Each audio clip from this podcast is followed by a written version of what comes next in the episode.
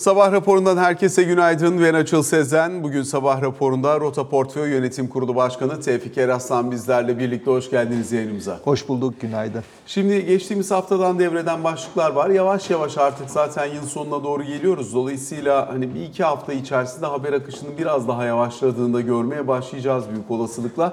Genel anlamıyla baktığımızda odak noktası biraz daha para politikasındaki sıkılaşmanın ne noktaya geldiği ve bundan sonra ne kadar süre burada kalacağına odaklanmış gibi görünüyor.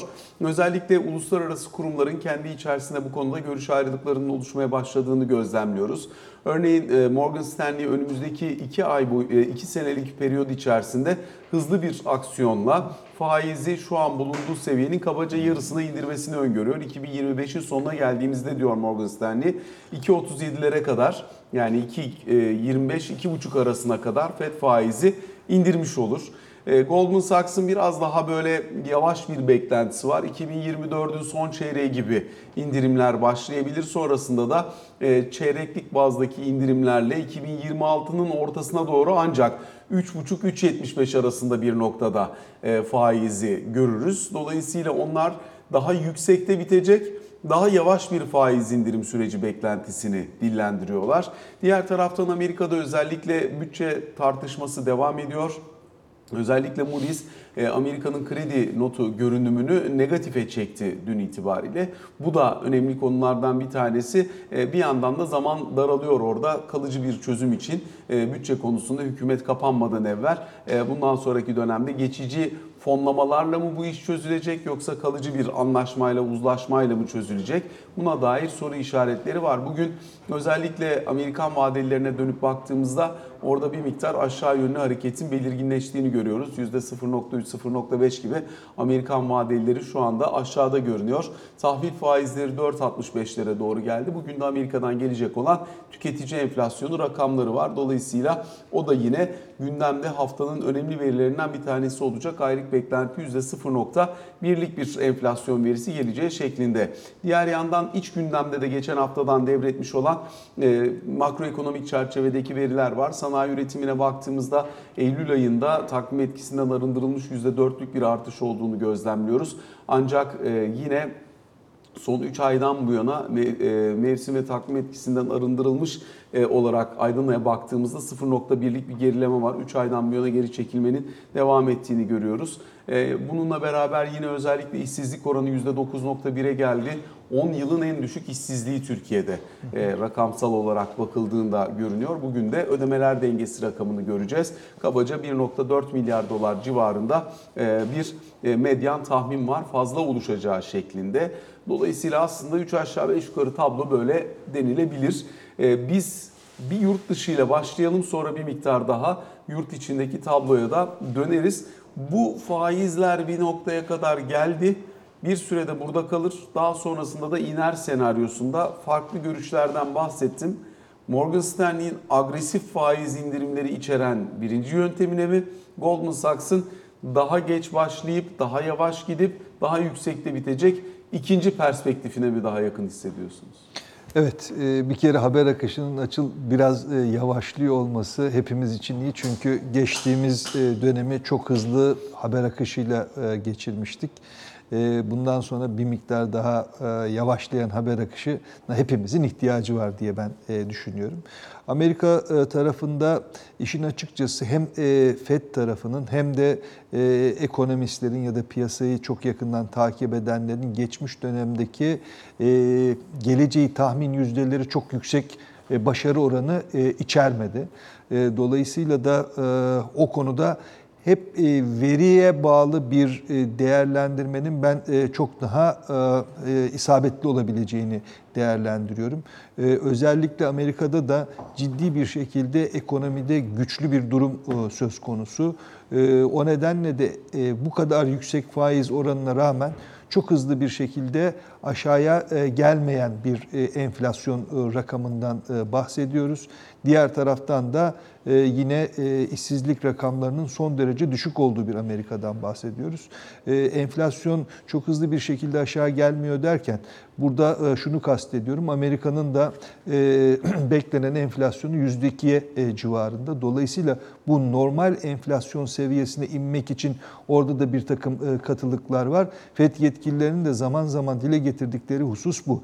Evet %4'e kadar e, hızlı bir e, sonuç aldık ama %2'ye giden yolculuk bu kadar kolay olmayabilir. Dolayısıyla ben önümüzdeki dönemde Fed'in faizleri yüksek seviyede tutmaya devam edeceğini ama burada sonuç alınmaya başladıktan sonra belki indirim e, e, sürecinin daha hızlı olabileceğini düşünenlerdenim.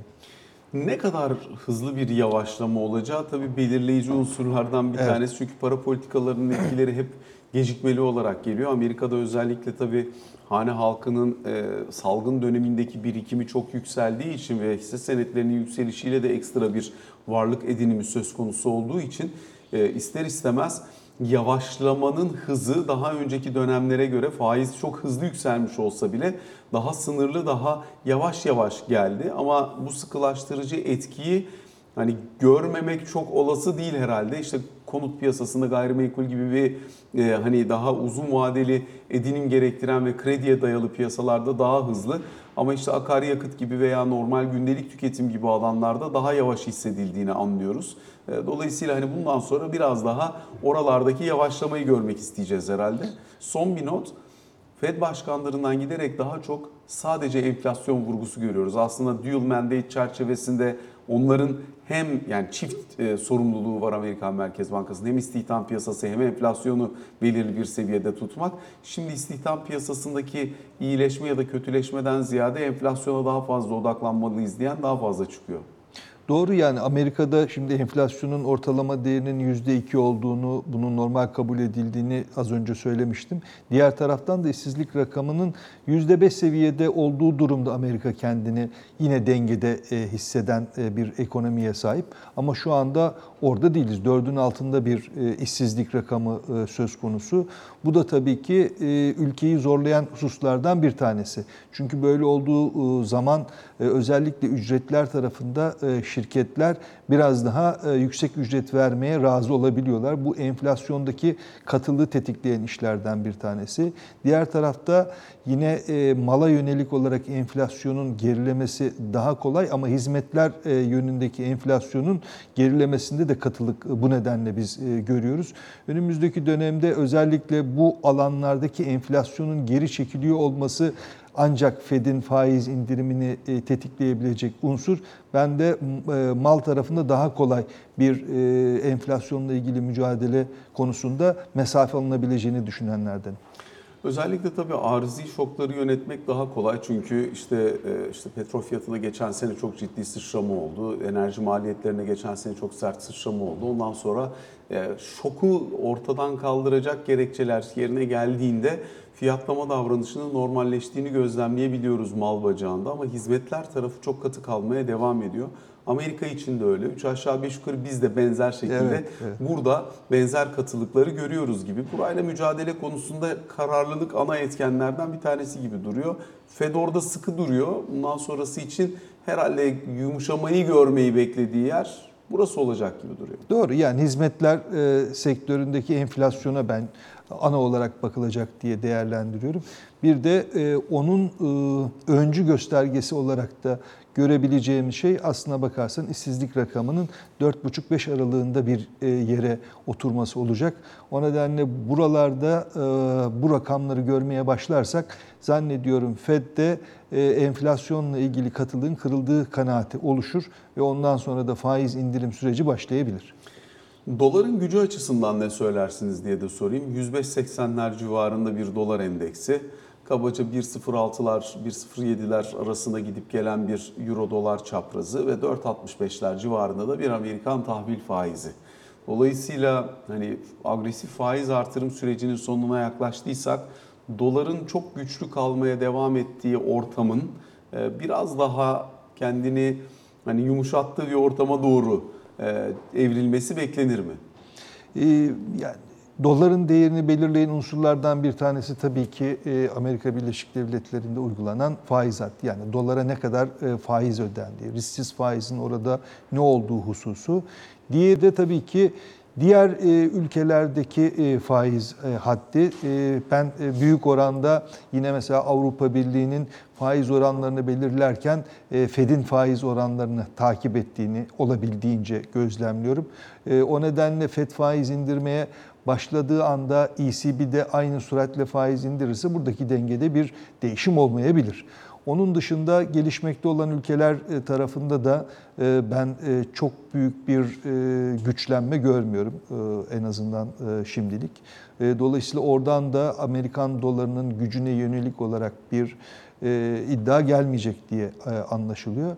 Bir başka faktör de ekonomilerin ne kadar kuvvetli olduğu sorusu. Özellikle Avrupa tarafında ekonomideki kırılganlıklar devam ediyor açıl.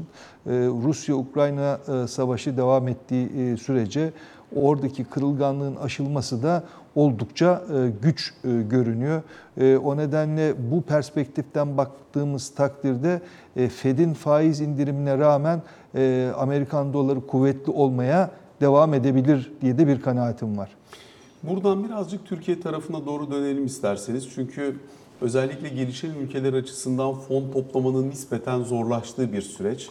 Amerikan tahvillerinin işte 5'lerin üzerine geldiği bir ortamda ne kadar gelişen ülkelere akım olabilir? Doların güçlenmeye devam ettiği bir ortamda gelişen ülke para riski ne kadar alınabilir sorularından. Eğer zirve görüldüyse gelecek seneden itibaren biraz daha gelişen ülkelere akım başlayabilir mi sorusuna doğru döndük. Biz bundan nasıl faydalanırız ya da faydalanabilir miyiz? E, şimdi o faz başlamadı. Yani başlayabilir mi e, konuşuyoruz. Umarız e, önümüzdeki yılın ortasından itibaren öyle bir dönem gelir. Çünkü Türkiye açısından da uluslararası alanda fonlama maliyetinin azaldığı, diğer taraftan paranın bollaştığı bir ortam lehe bir durum. Bunun olmasını umuyoruz. Diğer taraftan Türkiye uzunca süredir bu piyasalardan özellikle TL borçlanma araçları yoluyla e, para e, alma e, konusunda bir pazar payı yok. Dolayısıyla da önümüzdeki dönemde Merkez Bankası'nın uygulayacağı politikalar, ekonomi yönetiminin uygulayacağı politikalar aslına bakarsan burada ilgi olabileceğini gösteriyor. Sebebi uluslararası koşulların çok hızlı bir şekilde iyileşmesi değil ama bizim zaten buradaki çok düşük varlığımız ve e, buna bağlı olarak da e, bazı iyileşmelerin yabancı yatırımcıların ilgisini çekebilecek olması diye ben e, değerlendiriyorum. Burada da artık Türkiye iyi bir hatta girdi. En azından artık sadece rakamlar üzerinden değerlendirme yapabilecek noktaya da geldik. Bundan neyi kastediyorum? Artık önümüzde enflasyon konusunda Merkez Bankası'nın verdiği yıllık hedefler var. Dolayısıyla Merkez Bankası'nın da faiz oranlarını belirlerken bu hedeflere e, göre nerede kaldığı ve e, burada da enflasyonla mücadelede bir sıkıntı olduğu düşünülürse ilave sıkılaşma konusunda da adım atabileceğine yönelik olarak sözleri olunca e, önümüzdeki dönemde aylık çıkan enflasyonlara bağlı olarak Merkez Bankası'nın hangi hamleleri yapabileceğini artık tüm bu piyasalara bakan insanlar e, öngörebilecek e, durumda olacaklar. Zannediyorum bu da yabancı yatırımcıların Türkiye'ye gelmesine vesile olabilecek işlerden bir tanesi. Onun zamanlaması e, reel faiz konusunun hangi noktada onlar için cazip olacağı ile ilgili olacak ama en azından şu andaki tablo çok rasyonel bir zemine oturmuş. Taraflar birbirini anlar düzeye gelmiş diye görülüyor. Özellikle tabii önümüzdeki süreç açısından içeride bir reel faiz tartışması olacak gibi görünüyor. Dışarıda da var çünkü bu tartışmanın yansımaları. Ee, en son e, Bloomberg Business Week dergimizin Bloomberg Business Week Türkiye'nin kapağında da IMF Türkiye Masası şefiyle Ali Çınar'ın yapmış olduğu bir röportaj var. Onların da mesela e, önemli vurgusu. E, bu arada röportajı da e, oradan okumak mümkün. Onu da söyleyeyim aboneler açısından. E, hani onlar da bir reel faiz söylemi içerisinde hem uluslararası yatırımcıların hem de kendi perspektiflerinin oluştuğuna işaret ediyorlar. E, bu tarafı da bence bir parça konuşmak gerekecek önümüzdeki dönemde. Elbette Merkez Bankası'nın öyle bir taahhüdü yok ama sonuçta politikayı yapıcı olarak fakat e, hani hem Hazine ve Maliye Bakanı'nın e, uluslararası yatırımcılarla sohbet esnasında aktardıkları hem aynı zamanda yatırımcıların beklentileri bir reel faiz beklentisini doğuruyor. O reel faiz politika faizi üzerinden mi? Yoksa politika faizinin bizi getirdiği yerde oluşan TL enstrüman değeri üzerinden mi bakılmalı buna? Ee, Burada tabii nasıl bakılacağını da önümüzdeki dönemde e, taraflar arasındaki denge belirleyecek. E, e, Bizim Merkez Bankası açısından tabii ki fiyat istikrarı ana hedef. E, Amerika Birleşik Devletleri'nde olduğu gibi çifte bir mandate'imiz yok ama e, reel politik açısından baktığımız zaman bizim Merkez Bankamızın da ben kabaca 3 tane ana hedef üzerinde önümüzdeki dönemde yoğunlaşacağını düşünüyorum. Yani bir tanesi enflasyonu aşağıya getirmek, diğeri döviz rezervlerini kuvvetlendirmek, bir diğeri de e, büyüme e, rakamını e, iyi bir seviyede tutabilmek 4-5 aralığında. Dolayısıyla bu üç tane mandate yerine getirilirken bir taraftan e, burada önemli unsurlardan bir tanesi döviz rezervinin kuvvetlendirilmesi için e, önemli e, ölçüde yabancı yatırımcıyı ülkeye getirebilmek olacak. Burada da faiz antlerine baktığımız zaman e, önümüzdeki e, dönem için enflasyonla bunun büyük bir bağlantısı olacak. E, 2024 yılı enflasyon rakamına Merkez Bankası e, 36 dedi. 33'ten 36'ya yükseltmiş olduk. Dolayısıyla Merkez Bankası'nın şu andaki faiz haddine baktığım zaman da 35 görüyorum. Bunun bileşik faizde 45. E, bu açıdan bakıldığında aslında Merkez Bankası gözünde ileriye dönük enflasyon beklentisiyle e, bir reel faiz oluşmuş e, durumda. E, Yine e, bu pencereden e, bakıldığında e, IMF heyetinin mesela Türkiye ile ilgili yaptığı çalışmada da enflasyon rakamı 46 olarak öngörülmüştü.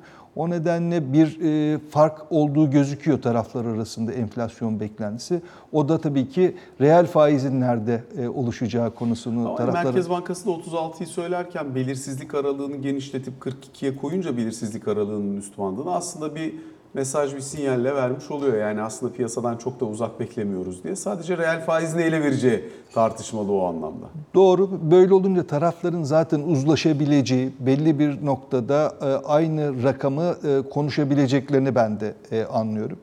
Şu anda tahvil piyasasında gelinen faiz seviyeleri aslında yavaş yavaş e, bireysel e, yabancı yatırımcıların da bu e, ürüne ilgilerini çekmeye başladı. Geçtiğimiz haftalarda yine e, yabancı e, yatırımcıların dips e, alımına başladıklarını gözlemleye başladık. Bunun önümüzdeki e, dönemde ben e, daha da hızlanabileceğini düşünüyorum. Gelen veriler Merkez Bankası'nın açıklanacak enflasyon rakamına karşı politika faizinde yapacağı hamleler burada oldukça belirleyici olacak diye görülüyor. Şimdi e, Merkez Bankası açısından mesela tartışmanın bundan sonraki gidişatının faz değiştirme ihtimalini nasıl görürsünüz? Bunu şu açıdan soruyorum. Politika faizi 35'e geldi. Mevduat faizleri 43-45 arasına geldi. Son likidite düzenlemelerinin de yansımasıyla birlikte. E, diğer taraftan kredi faizleri 45 ile 60 arasında bir yere oturdu. Bu ortamda özellikle bundan sonra faizin gelebileceği nihai seviye mi? Yoksa ne kadar uzun süreyle sıkılaştırıcı bölgede kalacağı mı? Bu ikisi arasında hangisinin daha önemli bulursunuz? Yani biraz önce onu Amerika için konuşmuştuk. Dolayısıyla orada e, oldukça e, kıymetli çalışmalardan bir tanesi. Şimdi biz önümüzdeki dönemdeki Türkiye'deki enflasyon patikasına baktığımız zaman aslında yıllık bazda gerileyen bir enflasyonu görmek için zannediyorum Nisan-Mayıs aylarına kadar gidiyor olmamız gerekecek. O zamana kadar enflasyon rakamı matematiğin e, bir e, gereği olarak e, önümüzdeki dönemde yükselmeye devam edecek. Dolayısıyla Merkez Bankası'nın bir kere orada gevşemeye ya da artık ben burada biraz parasal rahatlama yapayım demeye müsait bir alanının olmayacağı bir tarih aralığından bahsediyoruz. Ondan sonraki süreçte ise hızlıca e, enflasyon rakamının Türkiye'de gerilemeye başladığını görüyor olacağız. Orada Merkez Bankası diyor ki ben 36'ya inmeyi öngörüyorum 2024 yılı sonunda. E, Şimdi eğer e, bu patika Merkez Bankası'nın anlattığı gibi 36'ya doğru geriliyorsa Merkez Bankası belki bugüne göre o gün bir miktar daha e, e, düşük bir politika faizini biraz daha para, miktarsal sıklaşma konusunda rahat bir ortamı konuşuyor olabilir. Dolayısıyla biz burada bu rakamları konuşabilmek için o tepe yapan enflasyondan sonraki sürecin öngörülerimiz doğrultusunda gidip gitmediğine bakıyor olacağız. Ona göre e, tahminlerimizi de e, söylüyor oluruz. Şimdi e, bir yandan da buradaki alternatif maliyetler üzerine kendini konumlandırmaya çalışan bir Borsa İstanbul var. Biraz belki bunun üzerine de konuşmak gerekebilir. E, Borsada çalkantılı bir dönem oldu. Yani endeks 8700'e gitti, 7300'e düştü. Daha sonrasında bir toparlama çabası tekrar 8000 denemesi falan derken e, Cuma gününü 7770 puandan kapattı endeks. Bundan sonraki e, süreçte, şimdi yıl sonu yaklaşıyor. Yabancı katılımı zaten pek beklenti dahilinde de değil. Ama e, kendi iç dinamikleriyle yoluna devam etmeye çalışan bir borsa var.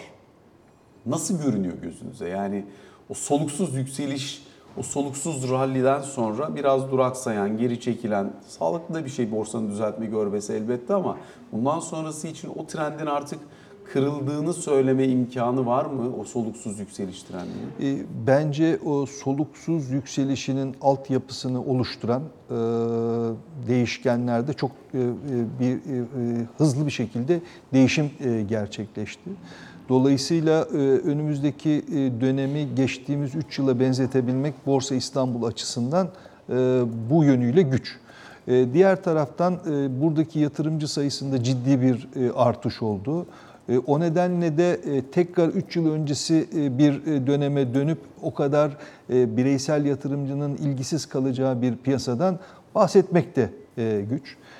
Yine bunun yanında eğer uygulanan ekonomi politikaları e, yabancı yatırımcılar tarafından e, sabit getirili ürünlere para getirmeyi başarırsa zannediyorum e, bu ortamdan yararlanmak isteyecek hisse senedi yatırımcısı yabancı yatırımcılar da ülkeye gelebilir diye değerlendiriyorum.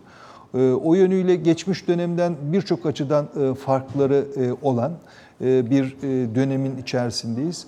Burada e, ben Borsa İstanbul'un topyekün e, yatırım e, açısından yatırımcıların ajandasından çıkacağını e, düşünmüyorum. Ama geçmiş dönemdeki gibi bütün e, Borsa İstanbul'a kote olan şirketlere para yatırdığım zaman ben e, para kazanabilirim döneminin de bittiğini düşünüyorum. O nedenle daha seçici yatırımlarla ancak başarılı sonuçların elde edilebilmesinin mümkün olduğu bir döneme giriyoruz. O nedenle de yatırımcıların geçmiş dönemden daha fazla şirketlerin e, bilançolarına, yönetim tarzlarına bakmaları gerekiyor olacak. Bunu tek başlarına yapabiliyorlarsa e, bu çabayı kendilerinin göstermesi beklenir. Ama bunu tek başlarına yapamıyorlarsa buradaki fırsatlardan yararlanmak için emeklilik fonu, yatırım fonu gibi e, kolektif yatırım araçlarını tercih ediyor olmaları onlar için istedikleri istikamete gitmek açısından en güvenli yöntem olur. Siz bu ortamda kendi örneğin emeklilik portföyünüzü yönetecek olsanız e, buradaki hisse ağırlığını nasıl belirlersiniz? Elbette birçok faktör var. Yani kişinin risk algısı var, yaşı var. Hani emekliliğe, bireysel emeklilikte kalan süre var falan ama e, mesela hisse ağırlığını korumaya devam mı edersiniz yoksa bir miktar azaltır? Örneğin mesela para piyasası fonları şu an tabii biraz daha avantajlı konuma gelmiş gibi görünüyor. Bu tarafları mı dinlersiniz? Yani geçmiş dönemde e, enflasyonun 85 ama e, sabit getirili ürünlerin bununla ilgili e, yatırım fonlarının da getirilerinin 20'nin altında olduğu bir dönemi de yaşadık. Böyle bir dönemde e, hisse senedi yatırımı son derece cazipti. Şimdi e, enflasyonun 65'e doğru e, yakınsadığı, işte 2024'te 36'ya doğru gittiği bir yerde e, biraz önce sen ifade ettin, para piyasası fonlarına dahi girdiğimiz zaman yaklaşık olarak mevduat karşılığı %40'a yakın bir getiriyi elde edebildiğimiz bir dönemden geçiyoruz. Merkez Bankası'nın yaptığı sıkılaştırma hamleleriyle birlikte bu oranın önümüzdeki günlerde bir miktar daha yükselebilmesi de söz konusu. O nedenle farklı risk düzeylerindeki yatırımcılarının tamamında o risk düzeyleri ve risk iştahlarına bağlı olmak kaydıyla e, hisse senedinden ya da farklı enstrümanlardan yani bu döviz de olabilir bir miktar e, paranın varlık dağılımının e, TL faizli enstrümanlara yönelmesini ben beklerim. Özellikle şimdi mesela e, bizim yine Bloomberg Business Week Türkiye'deki e, bu haftaki konularımızdan bir tanesi bir şirketin riskini taşıyacaksanız bu dönemde hisse senediyle mi taşırsınız o şirketin tahvilini alarak mı taşımayı tercih edersiniz? Çünkü özel sektör tahvillerinde de oldukça yüksek getiri imkanları oluştu son dönemde. e, kredi maliyeti çok fazla yükseldiği için en azından likiditesini orta uzun vadede elinde tutmayı tercih edecek olan şirketler maliyete bakmadan da çıkıyorlar. İşte şişe camda oldu, otokarda oldu, diğer şirketlerin de yavaş yavaş gelmeye başladığını görüyoruz ve hani e, bundan sonra ÖST ihracı e, hattında çok fazla seçenek çıkabileceğini de anlıyoruz e, alınan öngörülerden. Siz bir şirketin hissesini mi düşünürsünüz yoksa onun tahvili varsa yüksek getirili bir tahvili bu dönem onu mu tercih edersiniz? Açıl burada e, şirketlerin ihraçlarına baktığımız zaman kabaca %45 ile %50 aralığında faizlerle e, şirketlerin 3 aydan 1 yıla kadar vadede borçlandıklarını e, gözlemliyoruz. Dolayısıyla ben paramı güvenilir bir şirkete yatırdığım zaman borçlanma aracına 100 liram dönem sonunda 150 liraya kadar olabiliyor. Diğer taraftan bu şirketin hisse senedini aldığım zaman değer artışı %50 olacak mı sorusu benim için en önemli sorulardan bir tanesi. Dolayısıyla bu sorunun yanıtı evet ise e, ama bunun 151 lira, 152 lira gibi bir e, aslında benim kesin e, kazanç sağlayabileceğim yere yakın e, bir yerde getiri üretmesi de beni tatmin etmiyor olacak.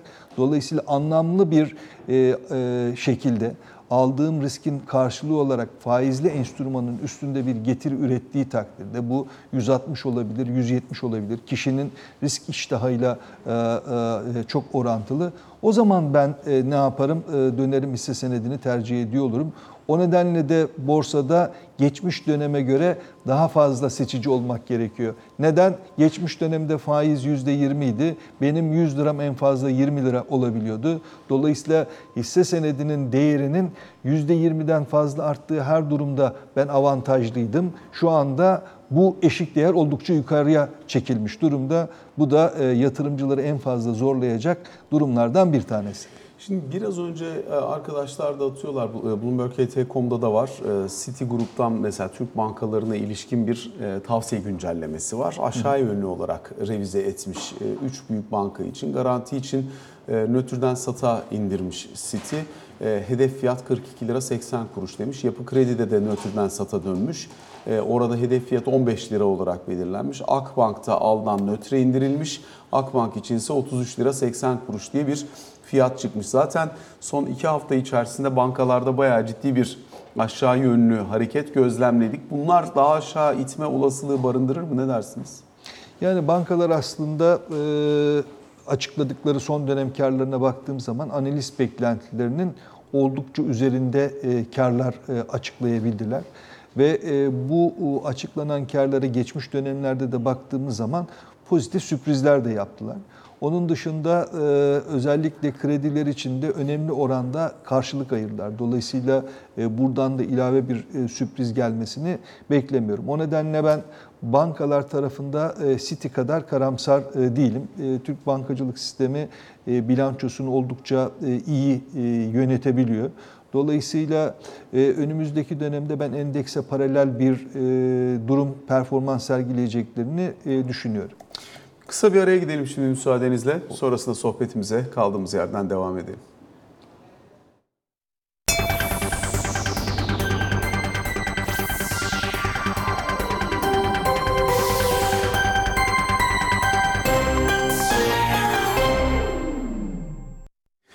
Sabah raporunun ikinci bölümüyle karşınızdayız. Rota Portföy Yönetim Kurulu Başkanı Tevfik Eraslan'la sohbetimize kaldığımız yerden devam ediyoruz. Hisse senedi piyasasında kalmıştık. Aslında biraz daha o taraftan devam edelim. Özellikle önümüzdeki dönem eğer ekonominin nispi olarak yavaşlayacağı bir ortamsa e, burada bankalarla sanayi endeksi arasında çok ciddi bir pozitif ayrışma vardı bankalar lehine. Bunun şimdi biraz normalize olduğunu gördük. Önümüzdeki dönem için özellikle sanayi tarafını nasıl beklersiniz diye devam edeyim. Sanayi tarafında e, son dönemde getirilen e, enflasyon muhasebesi de e, o tarafta şirketler için rahatlatıcı bir unsur olacak diye bekliyorum. Ama bankacılığın karşılaştığı sorunlara benzer sorunları özellikle sanayi tarafının da yaşayacağını tahmin ediyorum. Çünkü en büyük pazarımız Avrupa Birliği'nde işler o kadar iyi değil. Dolayısıyla orası sıkıntılı olmaya devam edecek bir ihracat pazarı olarak. Yine önümüzdeki dönemde içeride iç piyasanın da biz bir miktar e, durgunluğa doğru girdiğini gözlemliyor e, olacağız. ABD'ye benzer bir e, tablomuz olacak. E, İlk önce konut ve e, otomotiv gibi faize dayalı e, sektörlerin hızlı bir şekilde e, gerilediğini hatta gerilemiş olduğunu, bundan sonra buna e, biraz hızlı tüketim mallarının arkasından da hizmetler sektörünün eşlik ettiğini görüyor e, olacağız. Bu da şirketler açısından aslında önemli oranda bir zorluğa işaret ediyor olacak. Yani hisse senedi yatırımcısı için bir alternatif faizken diğer taraftan yatırım yapılan şirketler için de faaliyetlerini sürdürürken e, faizin e, birçok açıdan zorluk çıkarttığını da gözlemliyor olacak. Öncelikle mal ve hizmetlere yönelik olarak talebin azaldığı, ikincisi de çok borçlu olan şirketlerde de finansman yükünün arttığını gözlemliyor olacağız. Dolayısıyla buralar e, bankacılık dışı sektörleri de önümüzdeki dönemde zorlayan alanlar olacaklar. Bu nedenle e, borç yükü fazla olmayan e, şirketlere yönelmek, biraz talep elastikiyeti düşük olan e, ürünleri ve hizmetleri satan şirketlere yönelmek önümüzdeki dönemin iyi bir stratejisi gibi gözüküyor.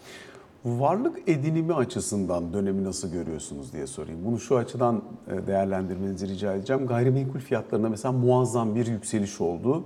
Daha sonrasında artık öyle bir aşamaya geldi ki hani ödenebilir alınır ol- olmaktan uzaklaştı. Dolayısıyla biraz düzeltmesini görüyoruz. Otomobil için benzer şeyler söylenebilir. Şu anda zaten oraya erişim imkanları işte kredi üzerinden falan bayağı sıkılaşmış durumda. E, Şu anda bir geçiş evresi olduğunu dikkate alacak olursak, önümüzdeki dönemde sıkışacak olan likiditeyi dikkate aldığımızda, e, nakdin daha değerli ve daha önemli olacağı bir süreç haline gelme ihtimali bulunan önümüzdeki 6-9 ay içerisinde bir şey alacaksanız bugünden mi almalısınız? Yoksa biraz bekleyip değerin daha aşağı geldiği, likiditenin sıkıştığı ortamı mı tercih etmelisiniz? Yani e, bu e, söylediğimiz hem e, konut hem de otomotiv Türkiye'de büyük oranda kredi desteğiyle de insanların alabildikleri mal mallardı diyelim. Önümüzdeki dönemde burada ya da şu anda çok ciddi bir e, zorlukla karşı karşıyayız açıl. E, Şöyle düşünelim. İstanbul'da kabaca ortalama e, ev fiyatı e, 6.8 milyon e, TL bir e, konuta ihtiyaç e, duyan e, çiftin e, ikisinin de çalıştığını e, varsayalım ve 5 milyon TL'lik bir ev bulabildiklerini e, düşünelim. Ortalamanın altında bir e, konut fiyatı. Bunun 1 milyon TL'sini kendileri finanse etmiş olsunlar. 4 milyon TL kredi için bankaya gittiklerinde 10 yıllık kredi alabilirlerse %3 ile aldıkları takdirde aylık ödemeleri 123.500 lira. Dolayısıyla buralarda biz bir e, finansmana yönelik açılım sağlamadıktan sonra zannediyorum e, insanların konuta erişimlerinde çok büyük bir güçlük olacak. Diğer taraftan da gayrimenkul sektöründe üretim yapan firmaların da e, ellerindeki ürünleri satabilmeleri de çok güç olacak. O nedenle önümüzdeki dönemin en önemli konularından bir tanesi aslında buradaki açmazı da çözebilecek bir takım finansman arayışları ve ürünleri olacak. Bu konuda bir e, çözüm geliştiremezsek önümüzdeki dönemin sosyal problemlerinden bir tanesi olmaya da dönüşüyor. Şu anda sadece iktisadi ve ekonomik boyutu var ama bu e, zamanla birikip başka bir alana da dönüşebilir gibi gözüküyor. Şimdi mesela yeni konut alacaklara ilk konutunu edineceklere dönük bir kampanyadan bahsediliyor. Daha bunun e, hani detayını görmedik falan ama 1.20 faizle ne kadar zamanda çıkar, nasıl çıkar, çıkar mı çıkmaz mı onu da bilmiyoruz. Duyum üzerinden hareket ederek soruyorum o nedenle. E, ama bir hazırlığı olduğuna dair fikrimiz var. E, mesela bunun nasıl etkilemesi beklenebilir diye sorayım. Çünkü erişimi kolaylaştırıyor ama arz yok. Ee, yine inşaat maliyet endeksi geldi. Orası yükselmeye devam ediyor. Yani ve bayağı kuvvetli kuvvetli yükselmeye devam ediyor. Eylül'de sadece aylık %2,5, yıllık %68 civarında inşaat maliyetinde artış var. Şubat sonundan bu yana en yüksek seviyesine çıkmış inşaat maliyet endeksi. Dolayısıyla hani arz sınırlı ama bir taraftan da barınma ihtiyacı nedeniyle kamu da istiyor ki hani ihtiyacı olan bir şekilde konuta erişebilsin. Ee, Şu anda birçok açmazı bir arada bulunduruyor bu problem. Dolayısıyla çözümü de çok kolay değil. E, gayrimenkul e, üreticilerinin e, bir problemi kendileri de finansmana erişirken çok pahalı erişebiliyorlar ya da sınırlı erişebiliyorlar. Onun dışında sattıkları ürünü alacak olanların finansman maliyetleriyle ilgili tabloyu az önce söyledim. Orada çok kolay ödenebilir bir tablo yok. Diğer taraftan da inşaat geliştiricilerin maliyetleri her geçen gün artmaya devam ediyor. E, Dolayısıyla burada bir kere maliyetlerin artışının hızla e, durabiliyor olması lazım. Çünkü satışı yapılabilen bir e, alan olmaktan e, çıkmış durumda.